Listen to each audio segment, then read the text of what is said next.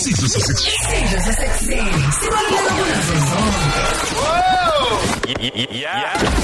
yingakho silethelwa utshatha nonongcebo Eh hey isidlo sasekuseni uhlelo tjatha noNcebo sinawe nje kamnandi ubumba nalapha ihora leshaka lolunye sindawonye kanti ke la sasike sayikhuluma le ndaba ngesonto eledlule.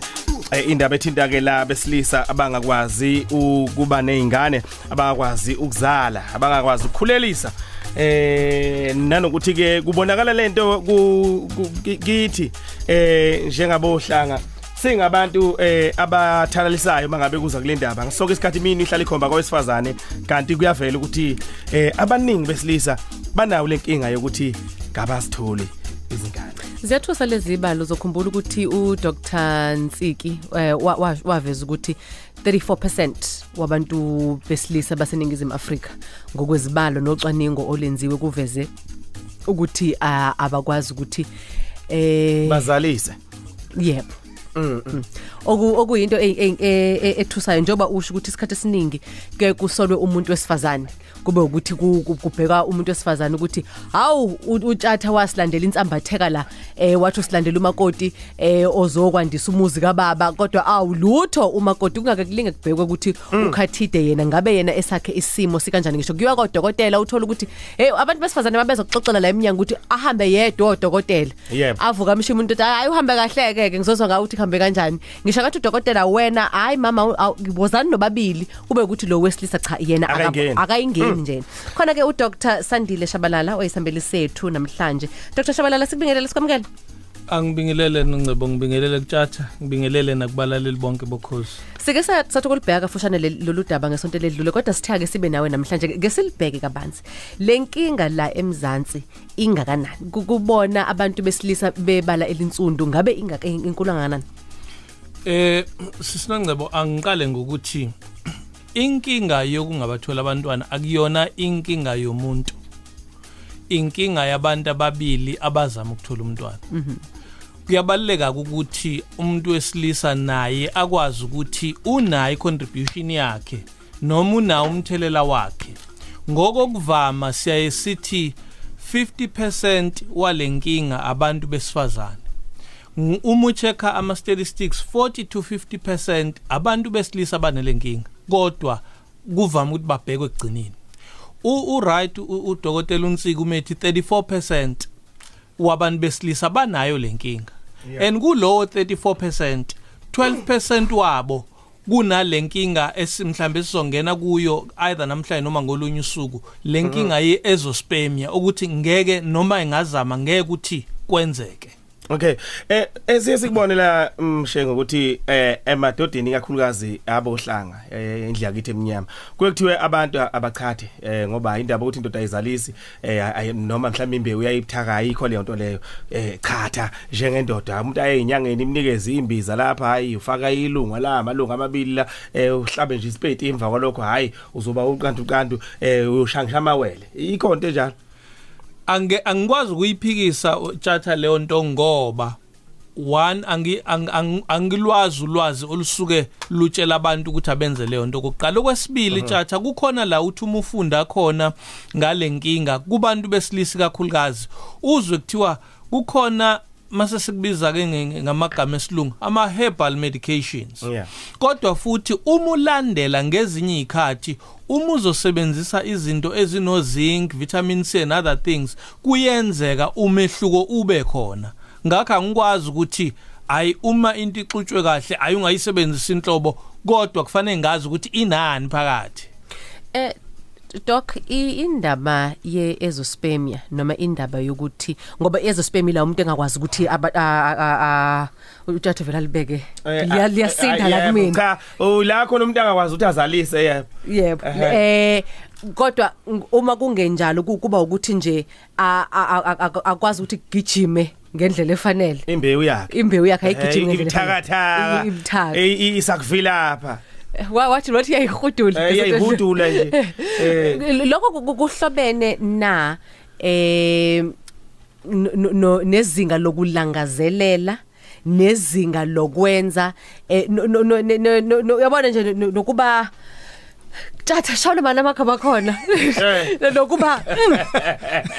Yabona Eh mhlambe kungenzeka indokotela uthi lento isuka mhlambe ekuthenini i- i- mhlambe isitho sowesilisa sibuthakathaka kwanaso. Eh si- si- sinteke nteke nje. Eh asibi sesimene esifanele ukuthi eh singakwazi ukuthi ngempela eh, umuntu wesifazana akwazi ukukhulelwa. ngoba Zihlobene angathi angathi never mina ngoba mina yabo? Uyabona kusebenza kahle i- imizulwisane okwami. inga Yeah. ingaba imine ibe mihlanu athi nje mina enkundleni ngigijima ngigijimile ngigijima ngigijimile. Athi ngeke kube ukuthi ke ngigijima kanjalo bese kube ukuthi umama kabambi. Ila ke eh eh tjatha nonongcebo sibe sesibheka ukuthi isizathu sokuthi wena umuntu wesilisa singakuqhathanisi notjatha singakuqhathanisi nanomunye umuntu wesilisa eyakhe inkinga yenza ukuthi ungakwazi ukukhulelisa yini. Okokuqala kukhona lokunongcebo oqale ngako osabayo ukukubiza ukuthi cha uma ubaba kufuneka aye ekameleni kuvele ukuthi yotho kungabe kusasebenzeka. Kunawo umthelela ngoba phela ukuze uhlangane nomama kufanele lapha kube khona lawa amandla ukuthi kuvuke. Okokuqala kwesibili uthola ukuthi nawe uneyinkinga zakho onazo othola ukuthi ngisho ngabe kuthiwa hayi kuyekile kumama kodwa lokho kuphumayo cha amandla wekho kukona.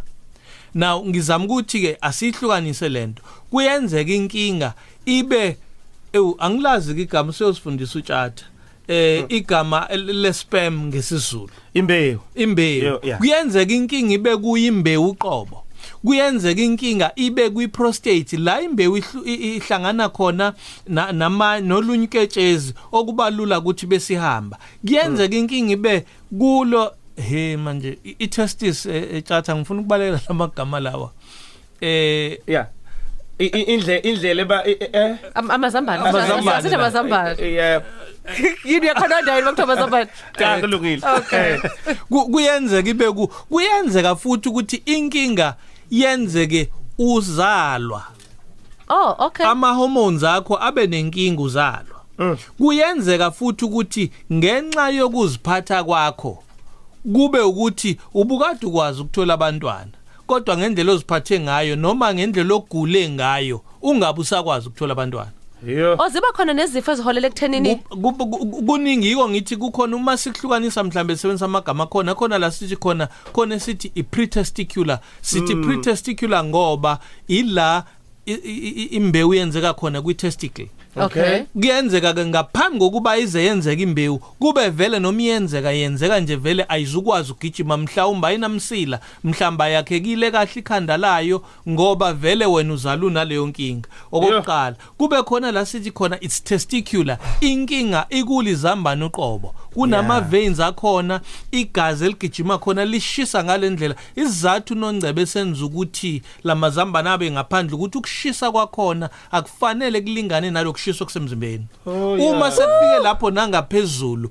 yiko kuba inkinga yingako uma sithi umntwana uzalwe waba nalento esithi undescended testes i- kusho ukuthi amazambane angaphakathi ayisithi umama uma Yeah. sekubonile lokho akasheshaye Kudokotela. ehliswe ukuze akwazi ukuthola Ugweme abantwana Imzuzu yamanje ishumi nesikhombisa ngaphambi kubumbane ihora lesishiyaka lombili siyayiphetha ingxoxo yethu la no Dr eh Shabalala. Dr Shabalala i- indaba eh ngi- ngicela uliphindele igama lakhona leli i- ezo ezospermia ezospermia Yes. kuyalapheka? Ezospermia i- i- inkinga yawo ithi eh inhlamvu ayenzeki.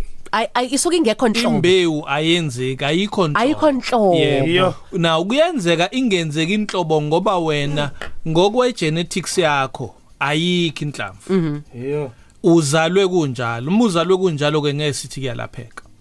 Kodwa siyayisithi umuntu ongakwazi ukukhulelisa akaqala hlola ukuthi kuye yini. Imbangela yini? ngoba ngesinye isikhathi siya angithi nakhona silindele ukuthi umuntu wesilisa akhiqize 20 million plus. Uma ku 15 million nangaphansi siyaqala sithi it's oligo. Kusho Ngo- ukuthi kuncane kunokujwayelekile. Esikhathini esingakanani lo 20 million? Cha phela nongciba ngithi nje uma ukhiqiza umuntu oh wesilisa okay. Ok- phela Usu uphethe ama million noncane. oh okay. Eh kuye- Igidikidi. eh waqala wathi 15 million ke nongcebo sithi hey seku seku oligo Yeah. spermia lo. Lo Ehhe. oligospermia usho ukuthi amathuba akho okuthi ukhulelise asethe ukuncipha. yeah lokho nje kukodwa. Uma ke kwancipha by 30% nangaphezulu siyaqala sithi ey eh singahle sibe nenkinga. Iminyaka ina ina imthelela? Iminyaka inayo imthelela nongcebo. Umuntu osemncane umzimba wakhe osa osakhiqiza kahle itestosterone yakhe esasebenza kahle kulula ukuthi akhiphe nje ngokwanele. Eh ngesikhathi ukhula ukhumbule kuyakhathala konke emzimbeni netestosterone nama hormones yonke into bese kuyehla ke nalokho kodwa kuyenze ukuthi ke sihlale kushiya ukuthi ngeke ukuthi hayi umuntu wesilisa uma eseneminyaka ethile akakhulelisi ngoba itestosterone isuke isekhona. Kodwa ngesikhathi ukhula ama amathuba yehla ukudla esikudlayo kunamthelela muntu dokotela? Ukudla esikudlayo kunayo imthelela e- e- etshatha okubalekile ngeke ngaveza nje kancane ukuthi kubalekile ukuthi umuntu wesilisa akudle ukudla okunezinki akudle ukudla okunama vitamins akudle ukudla okuno vitamin C. Lokho kudla kubalekile ngoba kunezinto ezidingwa umzimba.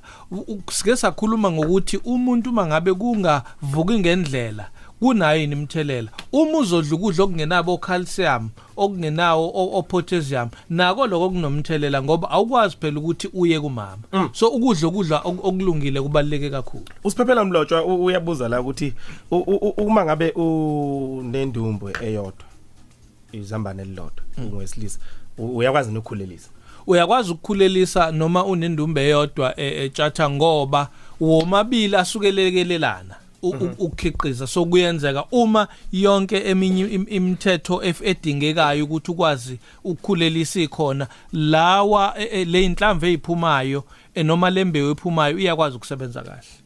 Okay. Eh cisheke kuyezwakala. Mhlambe sesiphetha nje dokotela e- e- lakho lokugcina yini abantu ofanele bayiqaphele nanokuthi bangayisukumela kanjani lenkinga eh ukuze umndeni wande? E- ekufanele siqaphele etshatha ukuthi uma mina nowakwami singabathola abantwana asingakhombi isandla sikhombe kumama. Inkinga yethu sobabili. Yebo. Noma ngabe kukhona esiyayisithi uprimary infertility noma usecondary uma ngabe kuye wabathola abantwana musikuthi nginabo mina abantwana eh, bese uthi wena usuna uyakwazi. Asikusukumele sobabili sihlole bese sisaphothana ngoba lokho yakucwasana ake akubala unongcebo kuqala khona la endlini ukuthi yiya wena yeah. mina ngi right yileyo nto ke kufanele siyilungise ukuze sazi ukuthi silungisa sobabili. Lokho kusiza nasekutheni uma senithi nithatha isinqumo sokuthi asiyeke ukufuna abantwana mhlambe siadopte nisuke nazi ukuthi senenzeni kungekho okhomba omunye. Kunjalo. Ngizocela sihlahle nje kancane dokotela phambi ukuthi sikde- sikudedele. Uthe khona primary and secondary infertility? Ku- kukhona la sithi khona uprimary and secondary infertility. Uthola ukuthi bekukuhle nje ungenankinga ukwazi ukuthola abantwana. Emva kwaloko usubathe uyazama kusenzeka unoma usucheckwa ila ngithe khona kunezifo nokuziphatha okuthile. Uvele wayishayela alcohol wayidlela istress washawa ushukela. emva kwaloko nqampa usakwazi ukuthola abantwana. Yeah. kanti ekuqaleni ubuthi mawuthi nje kuthiwe hey ayi lento yakwakhathide iyahlupha uma kuyahlangana nomuntu wesifazane. Ibathola usecondary ke lo. Yeah. kodwa khona lo primary noma eqala nje akwenzeki la esithi khona o ezospermia ke lapho nezinye ke inkinga ezingaba khona. Yeah. ziningi esikayithinti ingongcebo ngithe khona upretesticular khona utesticular khona upostesticular khona ithinta isperm itself. Dokotela siyabonga kakhulu mfowethu. Eh ngithemba lingqoqo kwethu sobuye sibe nayo futhi ngokuzawusibheke eh, eh, eh, ezinye indlela la khona abantu bengasizakala ngayo. Kodwa nje ke uma ngabe umuntu wesilisa isukumelele inkinga nebambisane nenkosikazi njengoba uzwile udokotela eyibalula. Mshengo siyabonga kakhulu kwana siyabonga kakhulu siyabonga kakhulu tjatha siyabonga kunongcebo.